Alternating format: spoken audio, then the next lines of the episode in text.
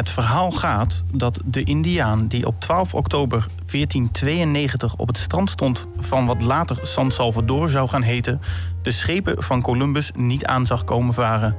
Hij zag alleen vreemde rimpelingen in het water, doordat hij zich een schip niet kon voorstellen.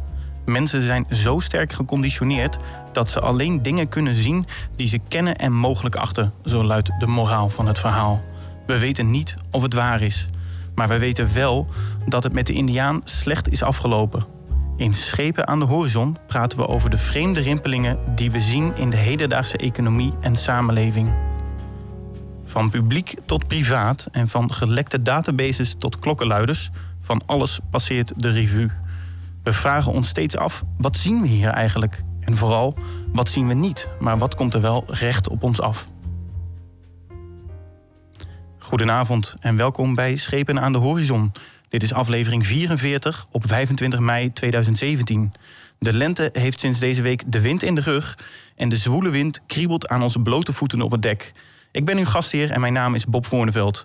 Hier in de studio zitten ook Juri Sepp en Marloes Dekkers. Stephanie van der A en Maarten Brons zitten in het kraaiennest.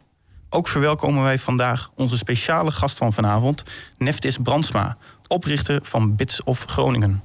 Juri en Marloes, steek van wal. Dankjewel, Bob. Uh, de meeste van ons staan er niet bij stil, maar ieder moment dat wij online zijn, worden gegevens van ons verzameld. Uh, dat gaat via de laptops, tablets, smartphones, maar ook steeds meer via andere apparaten die eerder niet op het internet konden worden aangesloten.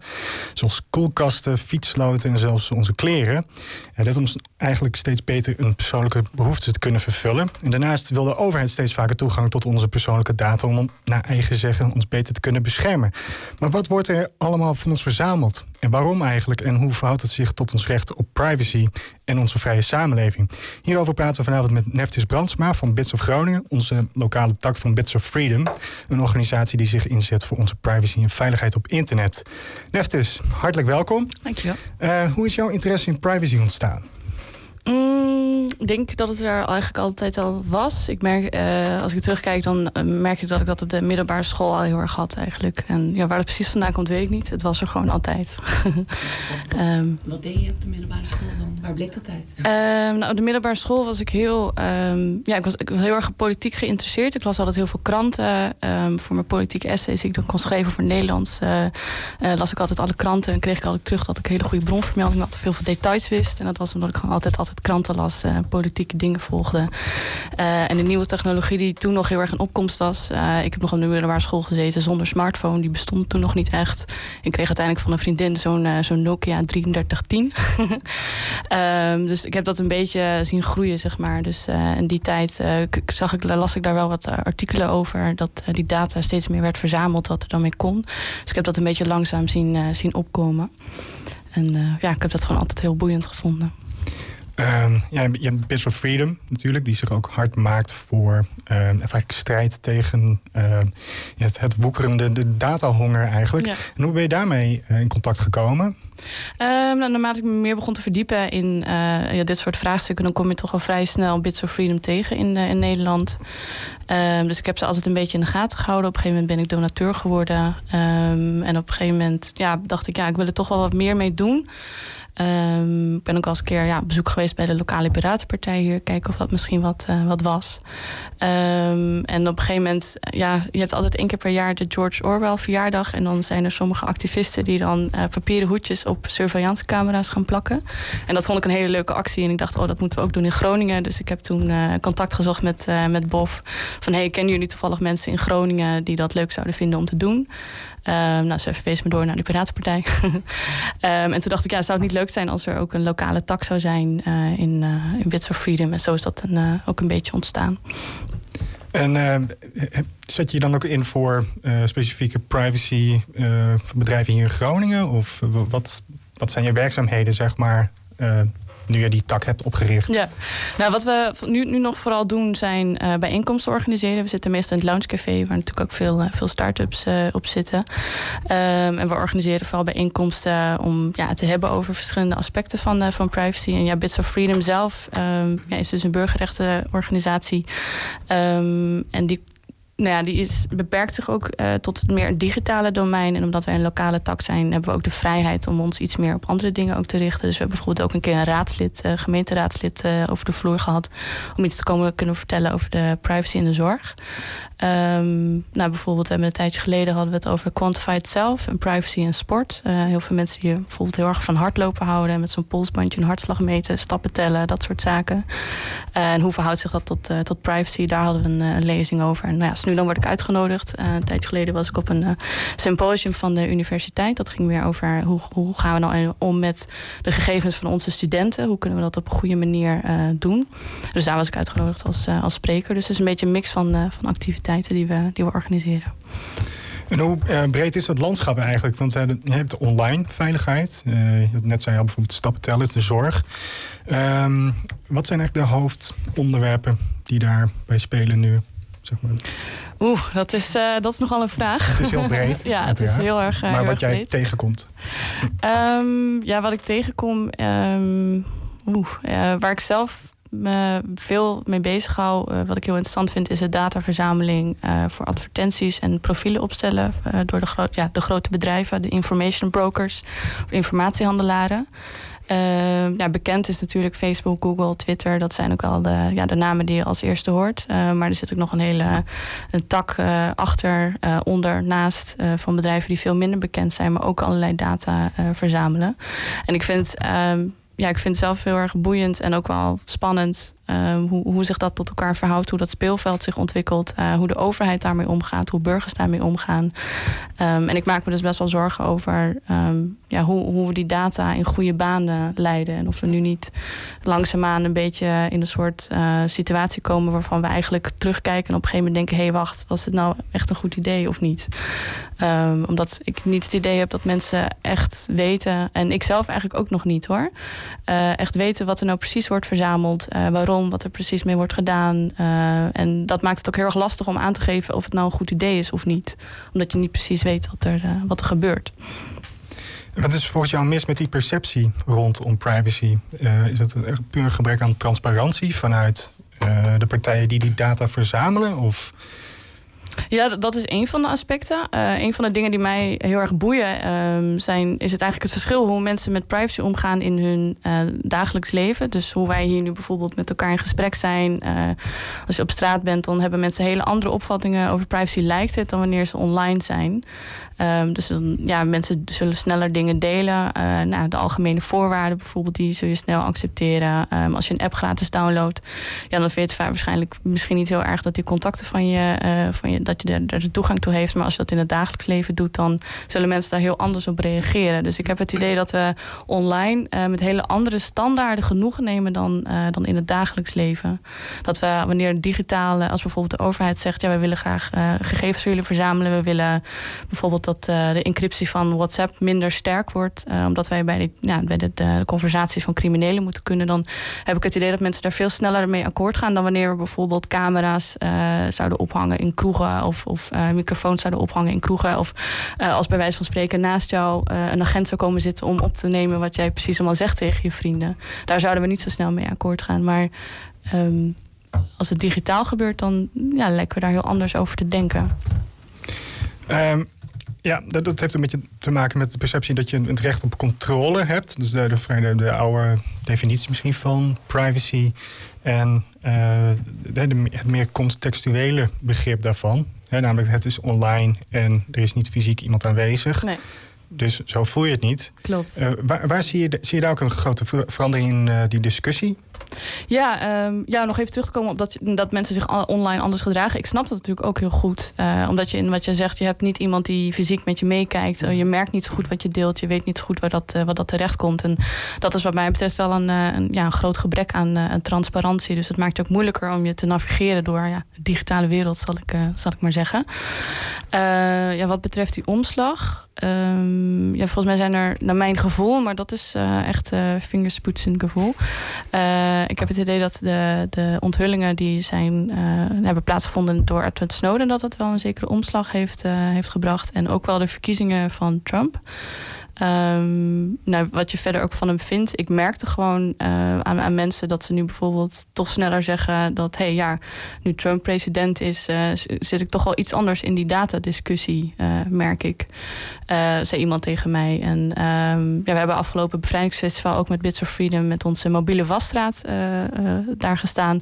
Dus konden mensen door een soort wasstraat hun mobieltje wassen tussen aanhalingstekens. en dan konden we even kijken of ze een wachtwoord op hun telefoon hadden of locatievoorzieningen, hoe die ingesteld waren en uh, nou, dat soort zaken. En uiteindelijk gingen we ook echt even schoonmaken. um, dus nou, het was een heel, heel erg leuke dag. En ik merkte in die gesprekken met die mensen dat ik vaker dan een aantal jaar geleden van mensen hoorde van ja, je weet niet wat er met die data gebeurt. En dat is iets wat privacyactivisten al heel erg lang roepen. Je weet niet. Kijk, nu gaat het meestal goed, die data die verzameld wordt. En uh, is het misschien helemaal niet erg dat die data wordt verzameld. Maar je weet niet wat er morgen gebeurt. En ik heb het idee dat um, dat bewustzijn nu iets meer begint uh, te komen. Maar dan, uh, merk je dan ook op zo'n bevrijdingsdag in die gesprekken dat mensen dan dat bewustzijn misschien versterkt wordt, maar maken ze zich er dan ook zorgen over? Want je kunt je ergens van bewust zijn, maar kun je nog steeds denken: tja, ja, het zal wel. Wat, uh, wat betekent het voor mij? Ja. Maak me nergens druk om eigenlijk. ja, dat, dat verschilt heel erg per persoon. Ik heb ik wel het idee dat steeds meer mensen er zich er wel wat druk over maken. Maar ik merk ook heel veel mensen die zoiets hebben van ja, je kan er toch niet zoveel aan doen. Um, ja, het gaat mij toch niet aan. Of uh, ook wel, dat was wel heel leuk. Ik had ook een discussie met iemand die zei: Ja, ik vind het eigenlijk wel hartstikke fijn. Uh, ik vind het wel handig dat die advertenties op mij gepersonaliseerd worden. Ik had, uh, een tijd geleden was ik uitgenodigd op een symposium en mijn medespreker was een ja, marketingman. dus dat, was een heel erg leuk, interessant gesprek over ja, die verschillende verhoudingen en verschillende ja, belangen die je hebt. Um, en wat ik heel erg merk in dit, dit vraagstuk, en dat um, ja, worstel ik zelf ook wel eens mee, is het idee van ja, wat kun je nou eigenlijk doen? Je ziet er misschien wel iets waarvan je denkt, ja, hier maak ik me zorgen over. Maar wat kun je dan, dan concreet aan, uh, aan doen? Omdat het zo veelomvattend en een beetje ongrijpbaar is, um, vinden mensen dat lastig.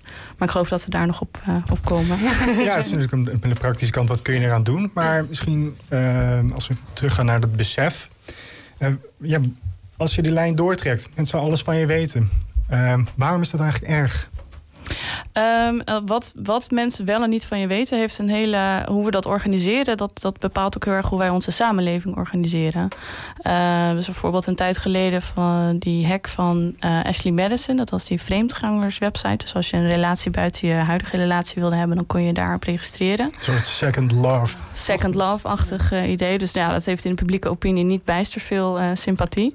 Um, nou, die, die de bestanden zijn toen online gezet door hackers nadat Ashley Madison weigerde te betalen. Want ze werden dus een tijd gechanteerd. Um, en nou goed, uiteindelijk zijn die namen dus online gekomen. En van een aantal mensen die dus inderdaad nou, vreemd waren gegaan. Uh, ook een aantal mensen die, bijvoorbeeld was er verhaal van een student die uh, in Amerika woonde of in Canada. Um, uit Saoedi-Arabië. En die had het gebruikt om daar me, ja, andere mannen mee te ontmoeten. En zijn naam stond ook op die lijst. En die zei: Ja, leuk en aardig allemaal. Maar mijn leven is nu in gevaar. Want als ik nu terug ga naar Saoedi-Arabië. Nou ja, je weet hoe daar met homo's wordt omgegaan. Dat is niet, niet echt heel erg fijn. Um, dus dat heeft een enorme impact gehad op, um, ja, op, op, die relaties. Je kan je iets voorstellen als jij erachter komt via het nieuws dat je die, naam van je partner daarin staat. Dat heeft een enorme impact op, uh, op je relatie. Um, en verder, ja, ik zou, ik zou het wel leuk vinden misschien om iets te vertellen over Helen Nissenbouw. Ik heb, uh, ik heb filosofie gestudeerd hier in Groningen en uh, ik heb mijn masterscriptie over haar geschreven. En wat jij al zei, is dat privacy wordt vaak opgevat als uh, het recht op controle, dus controle op je, over je eigen data. Dat zie je bijvoorbeeld nog steeds terug in het feit dat we algemene voorwaarden moeten accepteren op het moment dat we een dienst gebruiken. Dat is um, nou ja, de vraag is in hoeverre dat nog echt werkt. Want niemand leest die voorwaarden. In ieder geval niet tot in detail. En begrijpt ze ook niet, niet goed, denk ik. En dat is ook heel erg moeilijk. Uh, maar dat is wel een beetje met het idee van... je moet wel toestemming geven voor, uh, voordat iemand jouw data gebruikt of, uh, of deelt. een andere veel voorkomende opvatting van privacy... is privacy als nabijheid. Dus de mate waarin iemand toegang heeft tot, tot jouw fysieke ja, locatie, zeg maar. Dus iemand zal bijvoorbeeld niet jou zomaar mogen aanraken. Iemand mag niet zomaar jouw huis binnenkomen. Uh, in jouw auto gaan zitten, ik noem maar even wat. Ehm, en tot slot het laatste, en die komt in de publieke opinie vaak voor privacy als geheimhouding. dat merk ik ook wel een beetje in het debat soms. Dat op het moment dat ehm, ja, je opkomt voor privacy, dat mensen ook een beetje achterdochtig zijn. Van heb je wat te verbergen dan? dat, dat privacy is, is ook een beetje het verbergen van iets, uh, van iets stiekems. En uh, wat ik merkte in mijn onderzoek is dat heel veel dat dat idee wel vaak voorkomt in de publieke uh, sfeer, zeg maar. Maar in, er is eigenlijk geen enkele serieuze denker die privacy op die manier opvat. Maar goed, dat terzijde. waar de academici het wel over eens zijn, is dat privacy een heel erg ingewikkeld concept is. Omdat het heel, ja, het is heel erg messy. Als je privacy definieert, dan krijg je allerlei verschillende definities. En Nissenbaum is heel erg interessant, omdat zij zegt privacy is contextueel. Um, en dat betekent dat wij allemaal in verschillende contexten leven en ons daarin bewegen. En elke context zijn eigen regels heeft. En heel veel van die regels gaan over hoe je met informatie omgaat. En daarom is het dus heel erg belangrijk om terug te komen op de vraag. Um, hoe je met die informatie omgaat. En het is dus niet oké als iedereen alles maar weet. Want uh, onze informatiestromen zijn fundamenteel anders georganiseerd dan dat. Uh, dus als je naar je huisarts gaat, dan ga jij ervan uit dat je huisarts zijn mond houdt of haar mond houdt over wat er in die spreekkamer wordt gezegd. Um, idem dito voor als je naar de psycholoog gaat, uh, als je naar je leraar gaat. Die hebben allemaal bepaalde relaties met jou, ook jouw vrienden, je collega's. Daar deel je bepaalde dingen mee. En van jouw vrienden en van iedereen met wie je die informatie deelt, heb jij bepaalde verwachtingen over hoe er met die informatie wordt omgegaan. En op het moment dat die regels worden geschonden, dus op het moment dat bijvoorbeeld jouw huisarts uh, de krant opbelt en zegt: joh, wat je, wat je nou, uh, nou toch weet over deze. dat, is een, dat is een hele grove schending van zo'n regel. En volgens Niesenbaum is het schenden van privacy is het schenden van zo'n, van zo'n regel. Um, ja. Mooi, nou, dat laten we even bezinken. Ja. Ga naar muziek, geloof ik.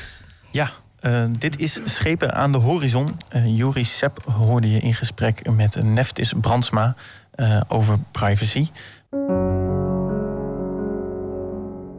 U luistert naar Schepen aan de Horizon. Ik ben uw gastheer Bob Voorneveld. En vanavond praten we over privacy en bits of freedom. Um, tweet gerust met ons mee met de hashtag SADH. En op onze website sadh.nl staan ook alle vorige afleveringen. En die zijn ook gratis beschikbaar in de iTunes Store bij de podcast. Ja, uh, dank je Bob. Uh, Neftus, je had het net over die veranderende context van uh, de opvatting van privacy. dat je die, informatie die je deelt met je huisarts, dat hij die niet doorverkoopt aan een uh, farmaceut. Zodat je even later, misschien als je weer aan het googelen bent, ineens uh, je pillen in de aanbieding ziet. maar hoe verhoudt dat zich tussen de, de, de private ruimte en de publieke ruimte eigenlijk? Wat is daar aan het verschuiven? Um, mijn indruk is, is dat uh, het, het, publieke domein steeds meer um, ja, bevolkt wordt door private partijen. Um, wat, nou ja, waar Nissenbaum volgens mij een heel mooi onderscheid uh, in maakt, of wat ze heel goed omschrijft, is dat wij, um, ja, we voeren volgens mij het debat over privacy nog een beetje in, in oude termen. Uh, en daarmee bedoel ik dat we, ja, vroeger, toen we nog geen internet hadden, had je heel duidelijk een scheiding tussen publiek en privé. Dus als je over straat liep, dan was je in een publieke ruimte. En als je in huis was, dan heb je nou, een privéruimte. Dat is vrij, uh, vrij duidelijk. Maar nu is die, is die scheidslijn steeds verder aan het vervagen. Want. oh. Uh, sorry, die, uh, die scheidslijn is steeds verder aan het vervagen. Omdat um, uh, ja, je smartphone die neem je ook mee naar huis. die neem je mee naar je werk. Die neem je mee naar, naar waar je over straat loopt. camera's die bevinden zich in de publieke ruimte. Dus je wordt ook gefilmd of kan gevolgd worden wanneer je in een publieke ruimte bent. En dat heeft best wel, best wel gevolgen. Of nou ja. Um, de informatiestromen, dat is de term die Nissenbaum gebruikt, de informatiestromen die veranderen heel erg.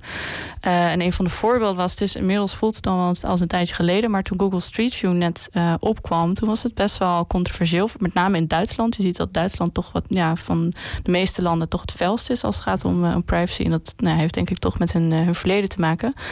Um, maar daar ja, werden dus foto's gemaakt van huizen en tuinen en mensen en uh, verkeer. En die werden dan online gezet. En Google, um, ik geloof oprecht dat die ook een beetje verbaasd waren over de, uh, de ophef daarover. Want die hadden zoiets van ja, maar dit is toch gewoon publieke, beschikkelijk uh, vrije informatie. Ik bedoel, iedereen kan naar jouw straat komen, iedereen kan een foto maken van jouw huis. Waar maken jullie nu allemaal zo druk over? En Nisseman zegt, ja, het is publieke informatie, maar die informatiestromen, die informatie, die is wel op een radicaal andere manier nu beschikbaar gekomen voor andere mensen. Dus het is nu in één keer mogelijk om bijvoorbeeld een huisje in Tokio te bekijken. En het is echt heel iets anders om naar Tokio te vliegen, uh, daar een bepaalde straat op te zoeken en daar een foto te maken van een huis. Um, vraag is of het erg is of niet, maar de informatiestromen die zijn echt radicaal veranderd. Je verwacht niet dat ineens een foto van jouw huis online beschikbaar is, waarvan mensen uit de hele, over de hele wereld dat huis zouden kunnen, kunnen zien. Dus in die zin snap ik heel goed dat mensen dat als een, uh, als een schending van hun privacy hebben ervaren. Omdat het, het, ja, het is een wezenlijk andere stroom van informatie waar mensen niet aan, uh, aan gewend waren.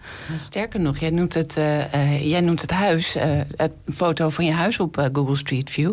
Ik kwam zelf laatst tot de ontdekking dat niet alleen mijn huis gewoon op Google Street View of Google Maps te vinden is, mm -hmm. maar inclusief mijn eigen gegevens. Oké. En ik merkte ook aan mezelf, ik dacht, dit heb ik niet gedaan. Hoe werkt dit? Maar vervolgens dat ik dus ook eigenlijk niet weet wat moet ik daaraan doen? En mhm. waar begin ik dan om dat ofwel ongedaan te krijgen? Uh, dat is echt, eh, inderdaad, jij noemde het eerder al, enorm ongrijpbaar. Ja. Wat zou ik dan moeten doen? Um, nou, bij Google kun je bezwaar aanmaken. Um, en dat is, uh, ik vind het zelf goed om te zien. en je merkt dus. Um, je merkt per land uh, dat, dat de regels anders zijn voor Google. Dus bijvoorbeeld uh, voor Duitse, uh, ja, Duitsers, die hebben eigenlijk meer rechten en meer vrijheden als het gaat om het gebruik van bijvoorbeeld Facebook en Google. Die kunnen ze bijvoorbeeld een huis makkelijker laten verwijderen van, van Google Maps. Um, dus dat zou in dit geval kun je bezwaar maken en naar Google ja, contact opnemen met Google en zeggen dat je daar, daarvan af wil. Um, maar je ziet dus, ja, in het ene land heb je eigenlijk wat dat betreft meer rechten dan, dan andere landen. Dus dat, ja. Eh, bezwaar maken dus. Bezwaar maken, ja. ja, dat is ook wel raar, want Google staat uh, in Amerika en dat valt omdat dan ook onder de Amerikaanse wet, geloof ik. Mm -hmm. ja, daar zijn natuurlijk ook grote verschillen, ook al opereert het in wereldwijd. Uh, ik geloof ook dat die informatie die Google haalt om mm. hè, jouw bedrijf bijvoorbeeld, mm. of je als privépersoon te zien, die koppelt het gewoon aan gegevens van de Kamer van Koophandel en dat soort dingen. Ja. Uh, ja, ja, dat moet je maar weten. En dan kun je erop ingrijpen door contact op te nemen met mm. Google en het onder hun voorwaarden aanpassen van jouw bedrijfsinformatie. Dus dat is een grote veranderende context. Het is vreemd dat uh, eigenlijk de data zo expo exponentieel groeit, uh, maar ons besef mm. van wat er allemaal uh, misschien over jou rondzweeft of over alles, wat voor datapunten er zijn, dat het enorm lastig is om als daar die geest terug in de fles te krijgen. Mm -hmm. um, ja, er zet Bits, Bits Freedom zich natuurlijk ook eh, voor in. Hoe zit dat in Nederland? Uh, als je kijkt naar bijvoorbeeld de overheid. Mm -hmm. um, wat zijn grote, uh, ja, zou je kunnen zeggen, slagen die jullie hebben gewonnen? Of hete hangijzers in de politiek die uh, de laatste tijd hebben gespeeld. Waar Bits of Freedom zich op gefocust heeft. Uh, Bits of Freedom heeft zich onder andere bezig gehouden met volgens mij de Europese datawetgeving die eraan zit te komen. En dat is wel, uh, ja, dat is echt wel een succes. Het is best nou, redelijk strenge wetgeving die eraan zit te komen vanuit de Europese Unie.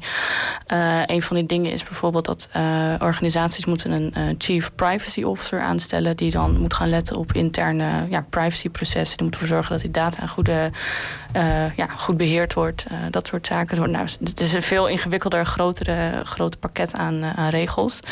Uh, en Bits of Freedom heeft daar ook voor, voor gelobbyd. Het is altijd een beetje vallen en opstaan. Hm. de laatste, ja, het hekvoorstel zoals het werd genoemd... dat is wel door de Tweede Kamer gegaan. Het moet nog door de Eerste Kamer.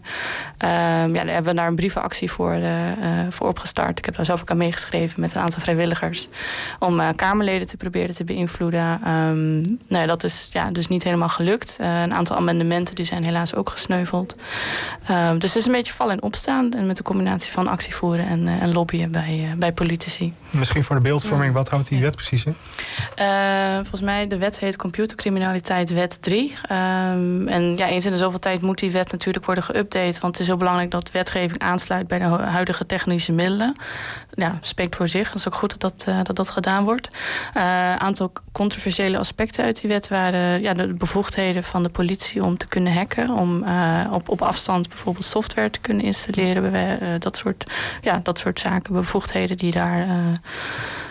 Ehm, ja, die daar mogelijk in werden gemaakt. Ehm, ik, heb, ja, ik, heb, ik zal eerlijk bekennen, ik heb niet alles gelezen. Dat, uh, uiteindelijk is het ook vrijwilligerswerk voor mij. Dus, uh, maar wat ik wel heb gedaan, is, het, uh, is de toelichting ervan gelezen. En één ding dat viel me heel erg op. Dat, um, er werd gezegd, ja, het is beter om op afstand ja, spionagesoftware... niet precies in die termen, maar dat was een beetje de strekking van het, van het verhaal. Het is beter om op afstand in iemands computer in te breken... dan om een bug bij iemand thuis te planten. Dat kan ik me voorstellen als je iemand wil volgen, dan kan het nuttig zijn natuurlijk. Uh, maar toen dacht ik, wow, wow, wow, dit is uh, naar mijn idee echt een totaal verkeerde opvatting van wat privé en publiek nog is. Want volgens mij is het niet zo dat je op afstand iemands telefoon hackt of, uh, of daar spionage of vol track software in zet. Dat is niet, is niet per se minder, zeg je dat, invasive. Um, Um, ja, je komt niet per se, is dat minder ja, intiem? Indringend. Ja, dank je. uh, niet minder indringend dan wanneer je iemands huis binnen gaat. Kijk, dat voelt natuurlijk heel anders wanneer iemand in je huis zit. Maar uh, als je ziet hoe, waar we computers voor gebruiken, waar we smartphones voor gebruiken, dat is, nou ja, je, je hele dagelijks leven zit er vaak in. Dus hoezo is dat minder uh, minder ingrijpend dan, dan in je huis binnenkomen. Dus je, je smartphone, mhm. je, je, laptop, dat is in heel veel gevallen ook een heel intiem gegeven geworden. Um, ik zou het bijna wel gelijk willen stellen aan bijvoorbeeld een dagboek. Daar mag je ook niet zomaar in zitten. Dus um, ik heb niet het idee dat, dat dat al helemaal is geland, zeg maar. Dat uh, de mate waarin wij die software, die technologie gebruiken, hoe intiem dat eigenlijk is, uh, is geworden. En dus ook vind ik dat er bepaalde regels, dat die regels daar ook op moeten worden aangepast. Er zijn strenge regels op het moment dat je iemands huis binnen wil komen als politie. En ik vind dat die, die regels er ook moeten zijn als je iemand software wil, uh, ja, als je in iemands uh, smartphone of andere attributen wil, uh, wil kijken. Ja, het rare is ook dat ja, die smartphone die heb jij gekocht, maar die software die erop draait, dat is er. dat zijn bedrijfsgegevens eigenlijk ook. Ja. en die geef je weg uh, via de algemene voorwaarden die je aanvinkt. Ja. Die je wel moet aanvinken, want ja. anders kun je het niet gebruiken. En je kunt er dus voor kiezen om het niet te gebruiken. Maar daar zie je een enorme tweespalt eigenlijk. Ja, en ook over dat kiezen, je kunt het niet, ik, ja, je kunt ervoor kiezen niet te gebruiken. Dat is dus heel erg ingewikkeld. Uh, dus een tijd geleden was een vrouw die was zwanger.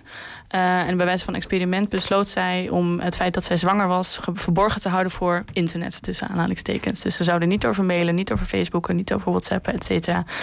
En haar leven werd echt totaal onwerkbaar, omdat ze heel veel diensten eigenlijk niet meer kon gebruiken. Ze kon geen babyspullen meer uh, kopen via Amazon. Nou ja, mailen lukte dan vaak niet.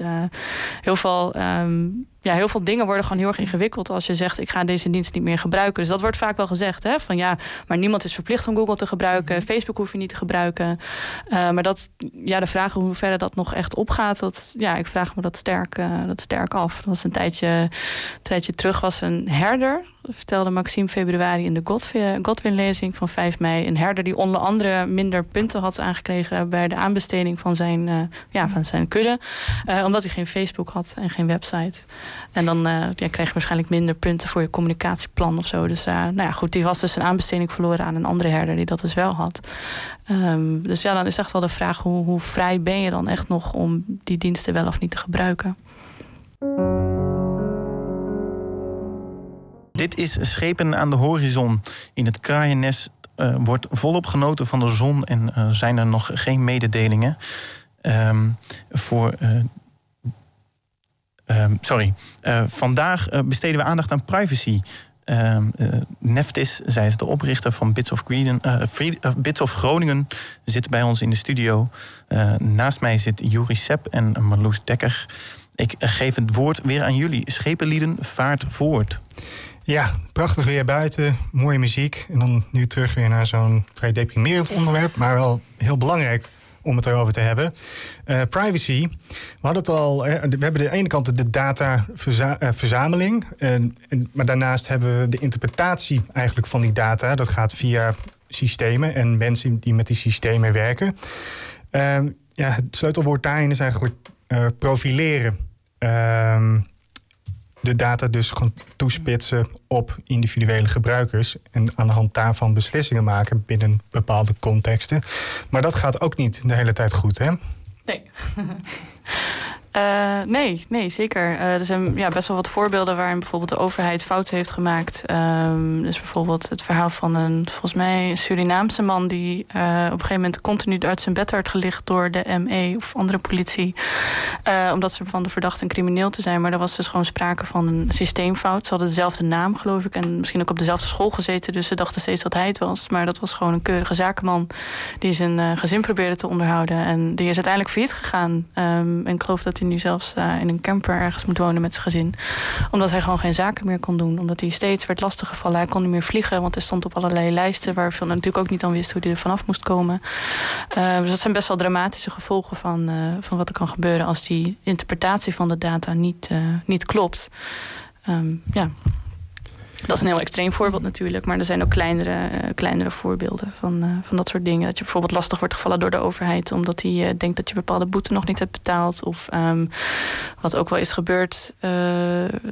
Douwe Smit vertelde dat, dat um, hij een bepaalde auto niet kon huren omdat zijn adres uh, was geregistreerd dat hij een wanbetaler was. Maar dat was dus een oude bewoner die op zijn postcode stond en zijn adresgegevens stond. Maar die had zich nog niet uitgeschreven. Dus bij het systeem van die autoverhuurder was het vinkje afgegaan. We moeten deze man geen auto uh, verhuren, want die gaat, zijn, uh, die gaat zijn huur niet betalen. Maar ja, hij had nog nooit eerder een auto gehuurd, dus dat konden ze helemaal niet van hem weten. Nou dat zijn systeemfouten waar je wel ja, waar echt last van kunt hebben. Ja, we hebben natuurlijk een heleboel systemen die ook niet goed met elkaar samen kunnen werken. En die infrastructuur eigenlijk ook niet is. Mm -hmm. uh, heel belangrijk uh, gebied waar ook de data verhandeld wordt, zeg, de, of eigenlijk de, de economische ruimte. Bedrijven zijn het die die data verhandelen en uh, jou helemaal, ja, eigenlijk alles van je weten. Mm. Die kennen je beter dan jezelf door uh, eigenlijk alle microgedragingen in beeld te brengen. Uh, heb, heb je daar voorbeeld van? Hoe creepy kan het eigenlijk worden?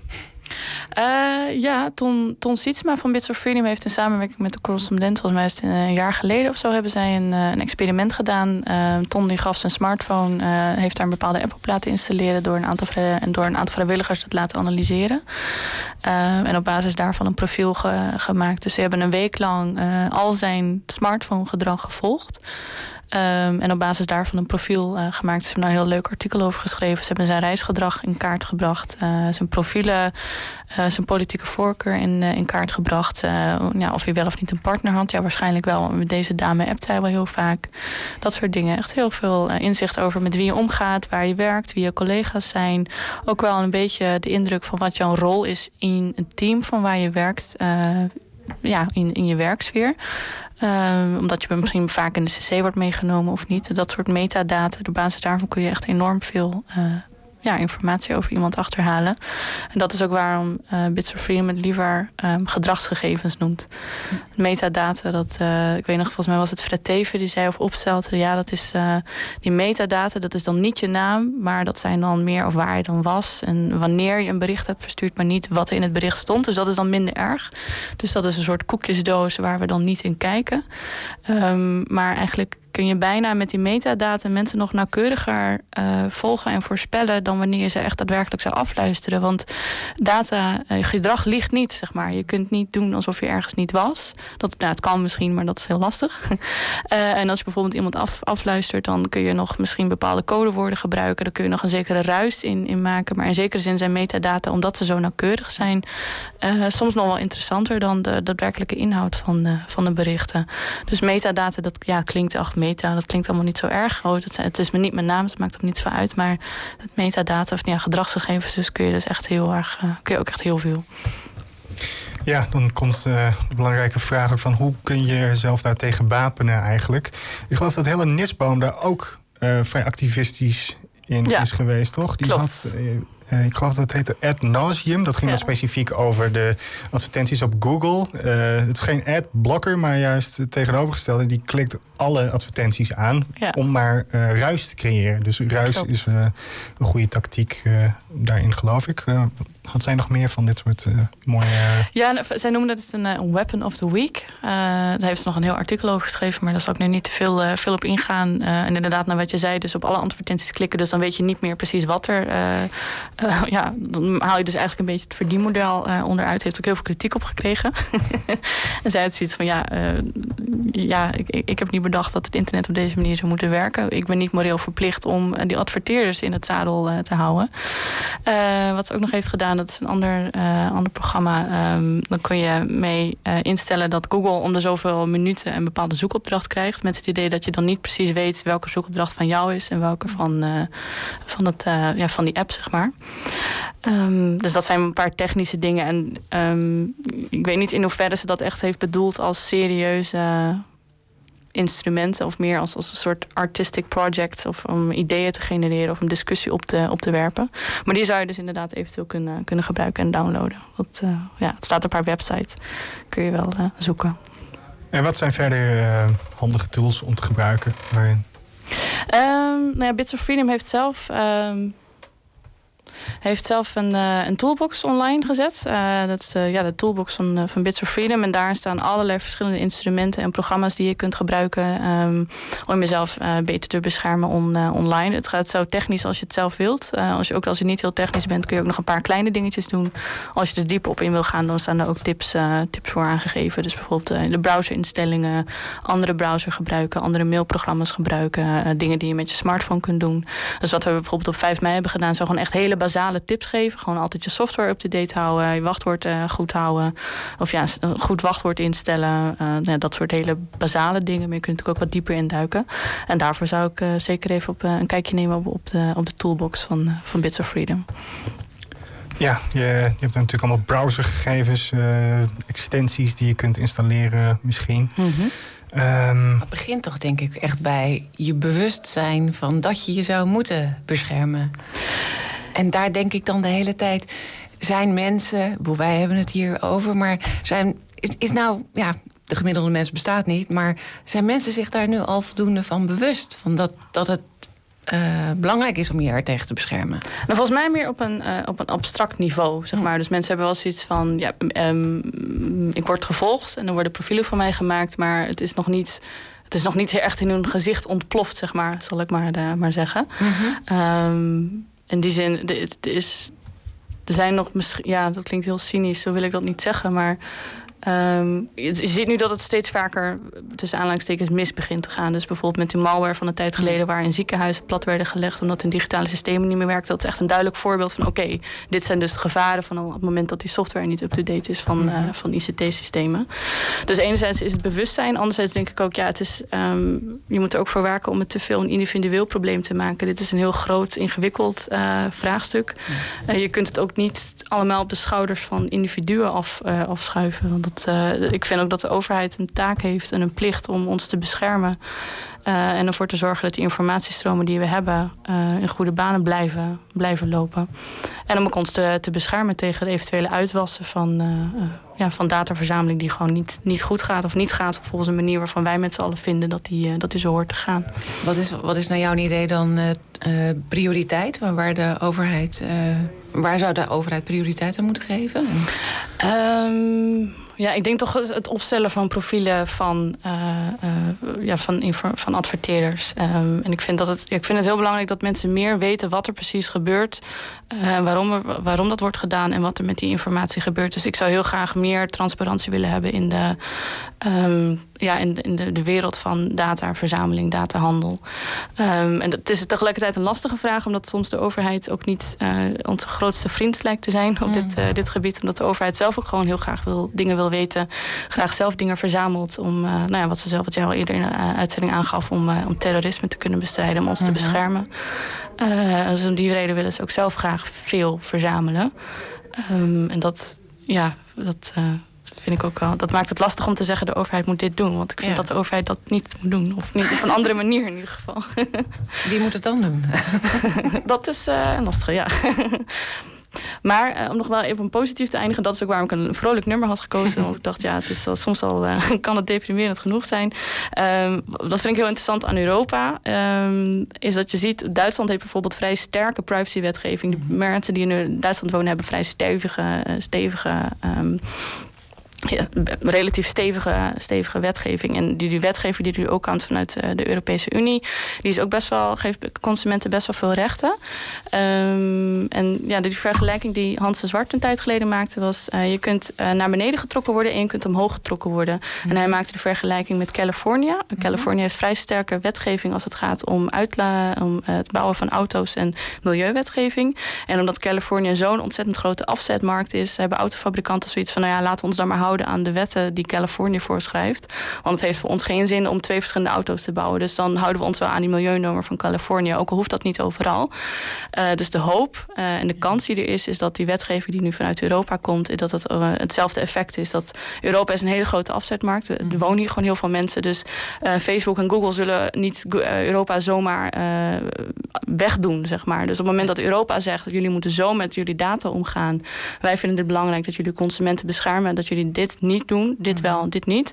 Uh, dan, denk, dan, dan zullen ze wel volgen. En dan bestaat dus de kans dat nou, datzelfde effect optreedt. Dus dat ook uh, nou ja, wereldwijd eigenlijk ja. uh, die, die gegevens ja, zorgvuldiger worden beschermd en worden ja, gebruikt. Dus een soort economische motivatie is ook heel belangrijk in ja.